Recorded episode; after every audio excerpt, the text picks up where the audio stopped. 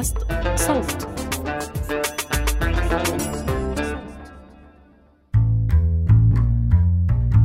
سلام أنا روان نخلة وعم تسمعوا بودكاست أحوال اللي بنحاول من خلاله نجاوب عن الأسئلة اللي بتخطر على بالنا بصفتنا أشخاص عايشين بالأردن.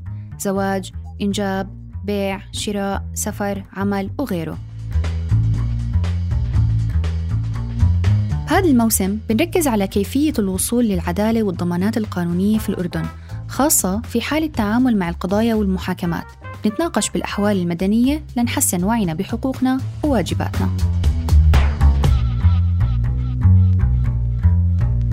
تحدثنا في الحلقات الماضية عن حقوقنا خلال مرحلة التوقيف ما قبل المحاكمة بصفتنا أشخاص مقيمين في الأردن، مواطنين أو عمال مهاجرين. في هاي الحلقة بدنا نحكي عن حقوق الأحداث خلال هاي المرحلة من التقاضي. كيف بتختلف عن حقوق باقي الأشخاص المعرضين لهذا الإجراء؟ وشو هي الضمانات القانونية الموجودة للحفاظ على حقوقهم؟ وما مدى تطبيقها؟ لنجاوب على كل هاي الأسئلة وغيرها بنستضيف في هاي الحلقة المحامية سهاد السكري مستشارة قانونية في مركز العدل للمساعدة القانونية ومسؤولة عن محور كسب التأييد في المركز.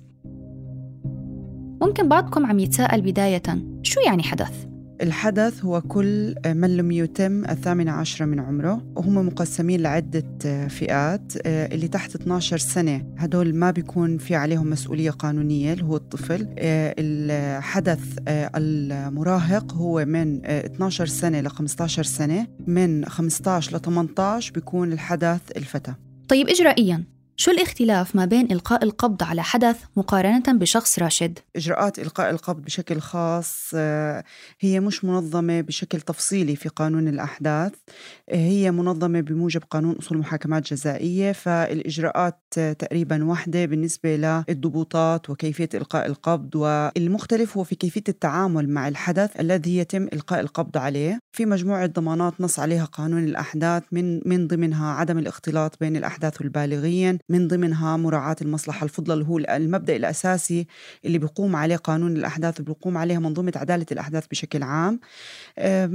كمان أنه بيتم إلقاء القبض عليه من خلال ضابطة عدلية متخصصة اللي هي كان كانت إدارة شرطة الأحداث وحاليا بعد الدمج صارت إدارة حماية الأسرة وشرطة الأحداث. يعني بيتم التعامل معاه من قبل فريق متخصص في التعامل مع الأحداث. طبعا بالنسبة للجنس جنس نص قانون الأحداث على أنه يتعامل مع الحدث الأنثى غير أنثى.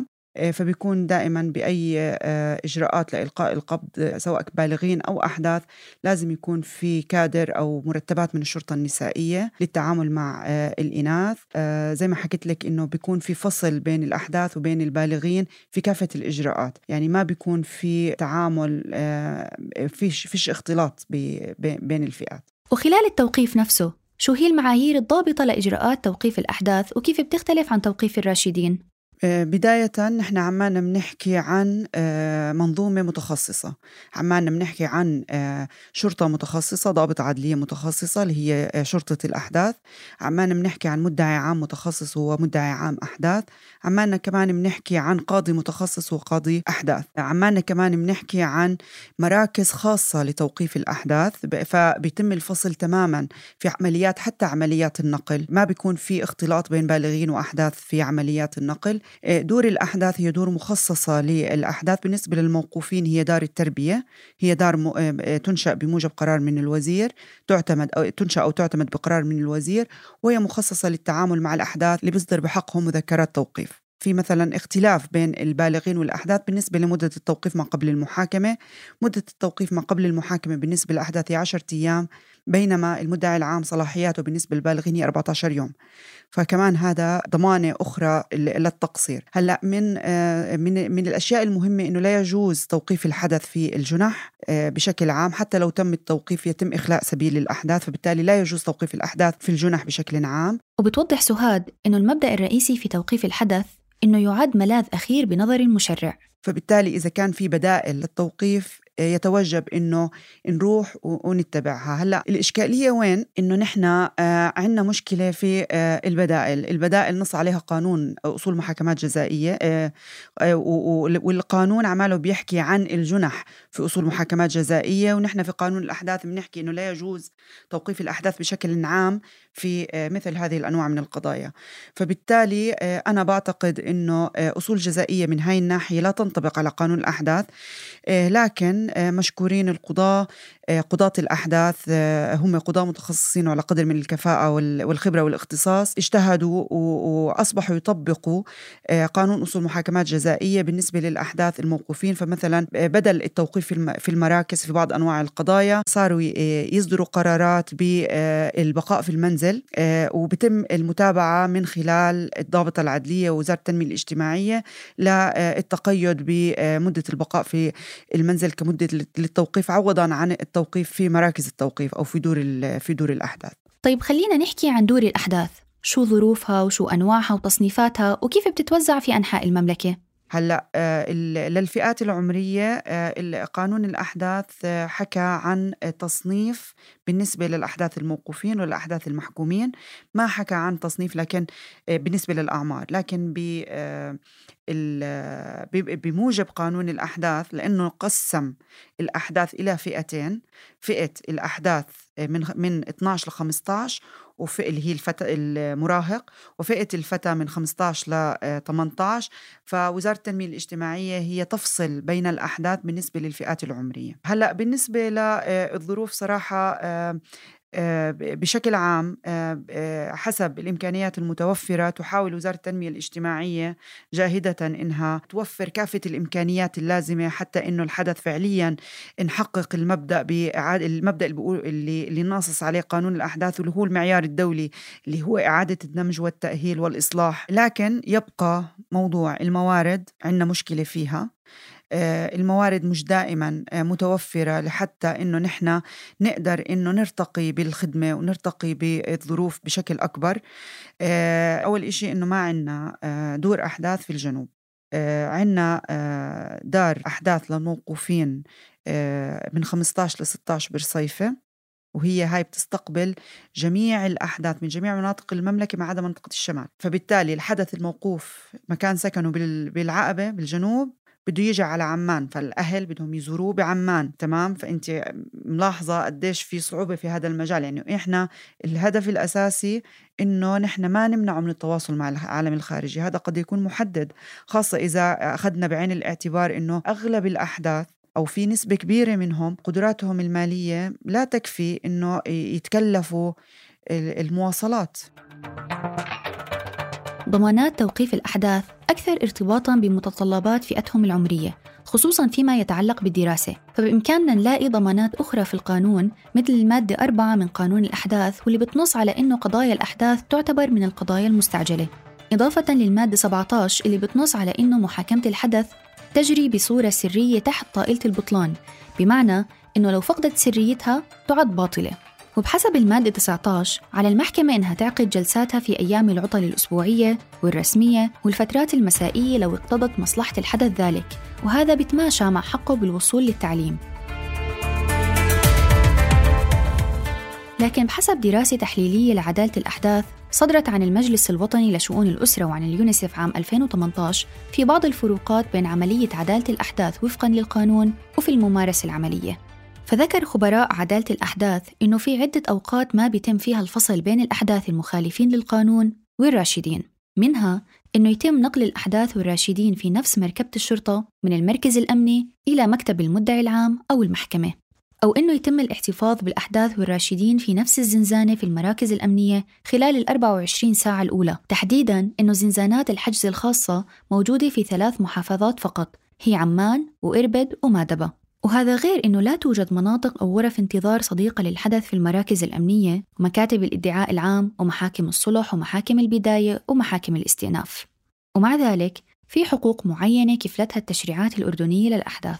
هلا من من أهم حقوق الحدث آه، التواصل مع العالم الخارجي. لازم لازم الحدث آه، يمكن من إنه يتواصل مع ذويه يعرفوا مكان وأسباب التوقيف ونص قانون الأحداث على أنه لا يتم أي إجراء إلا بحضور ولي الأمر أو مراقب السلوك في حال عدم وجود آه، ولي الأمر مع إنه أنا بشوف إنه مراقب السلوك هو ضرورة وهذا اللي بيحدث فعليا في أغلب الحالات إنه مراقب السلوك بيكون موجود منذ اللحظة الأولى اللي بتواجد فيها الحدث في إدارة شرطة الأحداث أو في قسم الأحداث المعني. ومراقب السلوك هو موظف في وزارة التنمية الاجتماعية اللي بتولى مراقبة سلوك الأحداث، بيوفر الدعم والمساعدة الاجتماعية خلال مختلف الإجراءات مع الحدث من لحظة إلقاء القبض حتى نهاية الإجراءات ووصولا لمرحلة الرعاية اللاحقة وتنفيذ الأحكام.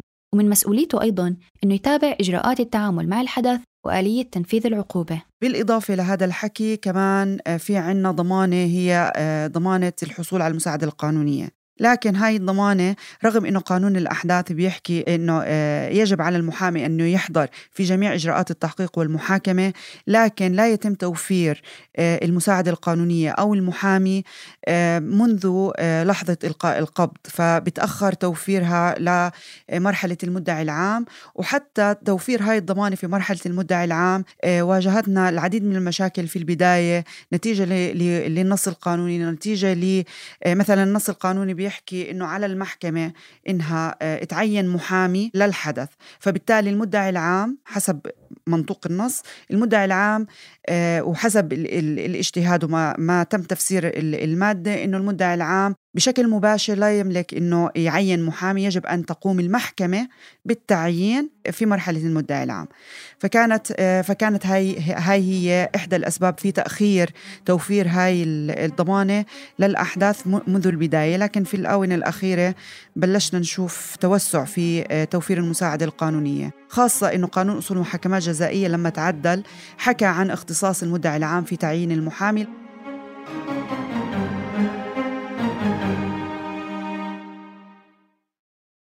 من الضمانات الأخرى اللي حدثتنا عنها سهاد هي الضمانات الاجتماعية واللي بتشمل توفير مراقب السلوك مع الحدث في خلال الإجراءات لإعداد التقرير لتوفير المساندة الاجتماعية للحدث إفهامه الإجراءات يعني شوي الصدمة والخوف والرهبة من الإجراء القضائي المنظومة الجزائية. أي حدا طبيعي يعني أي حدا عادي هو رح يواجه هاي هذا هاي الصدمة وهذا الخوف. فشوي بنحاول إنه من خلال هاي الضمانة إنه نخفف من من الصدمة ومن التعامل المباشر مع الإجراء الجزائي خاصة إنك أنت عمالك بتتعاملي إما مع ضابط عدلية أو مع قاضي. وطبيعي هذا هذا بيولد هذه هذه الحالة من الرهبة. أيضا آه، زي ما حكينا إنه آه، الحدث بيكون مدة التوقيف أقل من آه، الشخص العادي أو الشخص البالغ. أيضا الإجراءات بتكون بشكل منفصل عن أي وجود أي بالغ. ضمن الإجراءات طبعا الكادر الكادر بالكامل سواء مرتبات أمن عام أو قضاه هم من القضاة المتخصصين. أيضا هي ضمانة مهمة للتعامل لأنه في إجراءات معينة في خصوصية في سرية. الحدث ما بيصير إنه مثلا تنشر صورته لا يجوز عزله. لا يجوز آه، آه، التعامل معه آه، بالقوة. كل هاي التفاصيل بيكون مدرب عليها الشخص اللي عماله بيتعامل مع الحدث خلال الإجراءات. أيضا يفترض أنه المحامي اللي عماله بوفر المساعدة القانونية أيضا هو شخص مدرب على التعامل مع الأحداث والتعامل مع إجراءات منظومة عدالة الأحداث حسب ما نص عليه قانون الأحداث والمعايير الدولية اتفاقية حقوق الطفل والعهد الدولي الخاص بالحقوق المدنية والسياسية. حكينا في حلقة سابقة عن بدائل التوقيف ما قبل المحاكمة واللي استخدامها ما زال يعد محدود في الأردن لكن ما مدى استخدام البدائل في قضايا الأحداث؟ هلأ بخصوص الأحداث نحن لسه عمالنا بنعاني من آه، التوقيف من طول أمد التوقيف بالنسبة للمنظومة الجزائية بشكل عام والأحداث بشكل خاص لأنه القانون نص على المصلحة الفضلى والمصلحة الفضلى هون بتحكي إنه إحنا آه، في حالة توقيف عمالنا بنعزل الحدث عن المجتمع عم نعزله عن بيئته عم منعرضه لتجربة قد تكون تجربة أقصى ونتائجها أكثر شدة من آه، يعني إنه نلجأ للبدائل. أيضا آه، ممكن إنه آه، يكون التوقيف سبب مهم من أسباب عدم الالتحاق بالتعليم أو عدم الانتظام بالتعليم. فكمان هو عماله بيأثر على نفسيا عم بيأثر على النمو والتطور. وبالنهاية نحن عمالنا بنحكي إنه المبدأ الأساسي بيحكي إنه التوقيف هو الملاذ الأخير ولأقصر فترة زمنية ممكنة ويتوقف آه، اللجوء إلى قرار التوقيف على مدى مراعاة مبدأ المصلحة الفضلى هلأ في بعض الحالات نعم قد تكون مصلحة المصلحة الفضلى للحدث هي التوقيف. إذا إذا كانت بيئته هي سبب الخط هي من أسباب الخطورة. إذا كان بدنا نرجعه لبيئة تساهم في تفاقم المشكلة أو ما كان في آه، مكان آمن إنه يلجأ له إذا ما لجأنا إلى التوقيف لكن مش دائما آه، هذا هذا الواقع. يعني مش دائما بيكون آه، التوقيف لهذه الأسباب. على الرغم من الضمانات العديدة اللي وفرها المشرع الأردني للأحداث فيما يخص التقاضي إنه لازم نسأل عن مدى تماهي قانون الأحداث مع التوصيات الحقوقية الدولية بخصوص التعامل معهم في مرحلة التوقيف. وتشريعياً شو هي النواحي اللي لسه بحاجة لتطوير؟ هلأ من من ناحية تشريعيه زي ما حكيت لك هلأ في في بعض آه، الأشياء المتعلقة مثلا باختصاص شرطة الأحداث آه، آه، كان في مقترحات لتعديل بالنسبة لهذا الاختصاص إنه نوسع من دائرة الشمول ودائرة الاختصاص ونحاول إنه يكون في توزيع جغرافي كبير لشرطة الأحداث حتى نضمن إنه ما يكون التعامل إلا من خلال الضابطه العدلية المختصة والمتخصصة في المجال. آه، آه، آه، كمان كان في مقترح بالنسبة للاختصاص بالنسبة لقضايا المخدرات إنها ترجع لقانون الأحداث وترجع للمحاكم النظامية بالنسبة للنظر في هذه الأنواع من الجرائم حتى يكون فعليا عندنا قضاء أحداث متخصص يعني نحن عندنا ضمانات لكن قضاء أحداث متخصص حسب المعايير الدولية وما تنص عليه اتفاقية حقوق الطفل وتعليقات العامل لجنة حقوق الطفل لتفسير أحكام الاتفاقية خاصة المادة 40 من الاتفاقية. لغاية الآن مش كتير نحن آه، آه، يعني منسجمين بشكل كبير معها لأنه عندنا زي ما حكيت لك قضاة متخصصين لكن ما عندنا قضاء متخصص بالأحداث. لسه عندنا المحاكم هي مش محاكم منفصلة للنظر والتعامل مع الأحداث. وبحسب نفس الدراسة اللي ذكرناها فيما يخص جرائم المخدرات والمؤثرات العقلية شرطة مكافحة المخدرات هي اللي بتملك الصلاحيات في الجرائم المرتكبة من قبل الأحداث.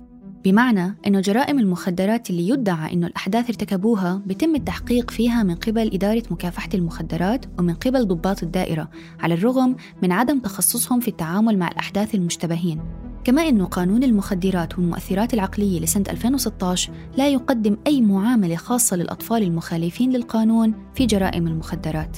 نفس الإشكال موجود بالجرائم ذات الصلة بقانون مكافحة الإرهاب في كونه بينطبق على الأحداث أيضاً. ولمديرية الأمن العام صلاحية التعامل مع قضايا الجرائم المذكورة ضمن القانون. لكن الأحداث المتهمين ينبغي التعامل معهم من قبل محكمة الأحداث وفقا للمادة 15 من قانون الأحداث. ويلي بتنص على أنه لا يحاكم الحدث إلا أمام محاكم الأحداث المختصة. حتى مراقب السلوك اللي حكينا عنه قبل شوي مع أنه وجوده يعد من الضمانات المهمة اللي وفرها قانون الأحداث إلا أنه لسه أمامه مجال للتطوير. بالنسبة لمراقب السلوك واختصاصه ودوره آه، يفترض كمان إنه يكون في آه، توسيع أكبر وتفعيل لما ورد في قانون الأحداث خاصة بالنسبة لبرامج الرعاية اللاحقة وبالنسبة لموضوع تفعيل آه، بشكل أكبر لقاضي تنفيذ العقوبة مهمته الأساسية إنه يتبع كيف عمالها بتتنفذ العقوبة ويراجع الحكم اللي اللي تم وكيف آه، هل فعليا عماله بحقق نتائج خاصة بالنسبة للعقوبات غير السالبه الحريه كمان هاي نحن بحاجة إنه نطور بشكل أكبر إجراءاته والاختصاص وارد في القانون. لكن كيف بدنا نفعل هذا الاختصاص بشكل بشكل كبير؟ خاصة إنه في كثير من القضاة هو قاضي أحداث أو قاضي تنفيذ عقوبة أو قاضي تسوية بالإضافة لوظيفته ليس قاضي متخصص في في هذا المجال. فهذا كمان من ضمن المحددات اللي اللي بتعيق بشكل أو بآخر التفعيل الكامل للضمانات. لكن الموضوع لا يخلو من الإشكالات فبتشير الدراسة التحليلية لعدالة الأحداث إلى أنه على الرغم من كون مشاركة مراقبة السلوك في قضايا الأحداث مهمة إلا أنه هناك بعض التحديات المرتبطة بعملهم مثل أنه ممكن يتم تعيين أكثر من مراقب سلوك واحد في نفس القضية للحدث المخالف. وفي بعض الحالات إذا أخذ ضابط إدارة شرطة الأحداث إفادة الحدث قبل وصول مراقب السلوك ممكن يقوم مراقب السلوك بالتوقيع على الإفادة كما لو كان حاضر. وقد يكون هناك مشاكل بجودة بعض تقارير مراقبي السلوك مثل إنها لا تقدم صورة شاملة عن خلفية الحدث وملابسات الجريمة اللي تم ادعاء ارتكابها بالإضافة إلى إنها قد لا تضم معلومات مفصلة وتوصيات مبررة بشكل واضح بشأن التدابير والأحكام. بالنسبة لموضوع التسوية قانون الأحداث في رقم 32 لسنة 2014 إجا لأنه عمالنا بنحكي إنه إنه قانون عصري وقانون بيحكي بيطبق منهجي النهج الإصلاحي إجا بمرحلة اسمها مرحلة التسوية. هاي في القضايا في أنواع معينة من القضايا الجنحوية بيكون العقوبة فيها أقل من سنتين لتوقف على الشكوى. في هاي الحالة شرطة الأحداث أعطاها اختصاص بإنها تجري التسوية في هاي الأنواع من من الجرائم وما نحولها حتى نحول الحدث عن الإجراء الرسمي عن إجراء الجزاء الرسمي ويتحول للقضاء. وشرطة الأحداث في هاي الحالة هم بيمارسوا دور قانوني وأيضا دور اجتماعي لأنه هو عماله بيجري تسوية وصلح بس مش صلح اللي مقصود الصلح. إنه أنا بدي أصلح عشان أنهي القضية لا. هو صلح لغايات الإصلاح. أنا مش هدفي إني أنا أنهي القضية. أنا هدفي إصلاح الحدث بإجراء التسوية وأحوله عن الإجراء الرسمي. التسوية آه، آه، آه، جزء منها مالي جزء منها لكن مش كلها مالي مش كلها تعويض. أنا بدي أعوض الضحية ماليا وبدي أعوض الضحية أيضا نتيجة الضرر النفسي والآثار السلبية اللي نتجت عن الجريمة. هذا كله لازم يعرفوا الحدث اللي في نزاع مع القانون اللي ارتكب هذا الفعل. فهذا المقصود من التسوية اللي أوجدها القانون. حسب القانون الحدث المحكوم عليه وبيبلغ سن الرشد خلال فترة حكمه بيتم نقله من دور الأحداث إلى مراكز الإصلاح والتأهيل. شو العبرة من هذا الحكي؟ وشو تبعاته المحتملة على المحكوم؟ لأنه المبدأ الأساسي هو عدم اختلاط الأحداث بالبالغين فهو هلأ صار بالغ. لكن كانت التوصية وحاليا قانون الأحداث المعدل اللي آه، أعتقد إنه رفع لديوان التشريع والرأي رفع للحكومة بيحكي عن آه، أقسام مخصصة في مراكز الإصلاح والتأهيل لهي الفئة. حتى ما يتم اختلاط بين بينهم وبين البالغين الآخرين اللي أصلا يحاكموا بجرائم وهم بالغين. فهاي آه، هاي هاي هي الإشكالية حاليا. إنه نحن نحن مع إنه نحن بدنا نفصل البالغ إنه خلص أصلا نحن بنفصل بين ال 15 عن ال 16 وعن ال 17 عشان اختلاف الفئة العمرية فمنطقي إنه نفصل كمان اللي فوق ال 18 بس لما بدنا نفصله ما بدنا إياه يختلط بكمان آه، بالغين آه، أو أو يعني معتادين أو مكررين بشكل بشكل مختلف. حديثنا مع المحامي سهاد جاوب على تساؤلات أساسية حول الأحداث بحسب التشريعات الأردنية واختلاف الإجراءات المتعلقة فيهم أمام منظومة العدالة عن الراشدين خلال مختلف مراحل التقاضي. وممكن ولد عنا تساؤلات أكثر. شاركونا رأيكم بالحلقة على منصات صوتي المختلفة وانتظرونا بحلقة جديدة الأسبوع القادم. كنت معكم من الإعداد والتقديم روان نخلة. من الكتابة جنى قزاز من التحرير عمر فارس ومن الهندسة الصوتية يزن قواس. وشكرا لفريق النشر والترويج اللي بفضلوا عم تسمعونا. بإمكانكم تلاقوا رابط موقع مركز عدل للمساعدة القانونية والدراسة اللي أشرنا إلها في وصف الحلقة. هذا الموسم من بودكاست أحوال من إنتاج صوت والمعهد الدنماركي لمناهضة التعذيب ديجنيتي في الأردن وبرعاية وزارة الخارجية الألمانية وبرنامج الشراكة الدنماركية العربية.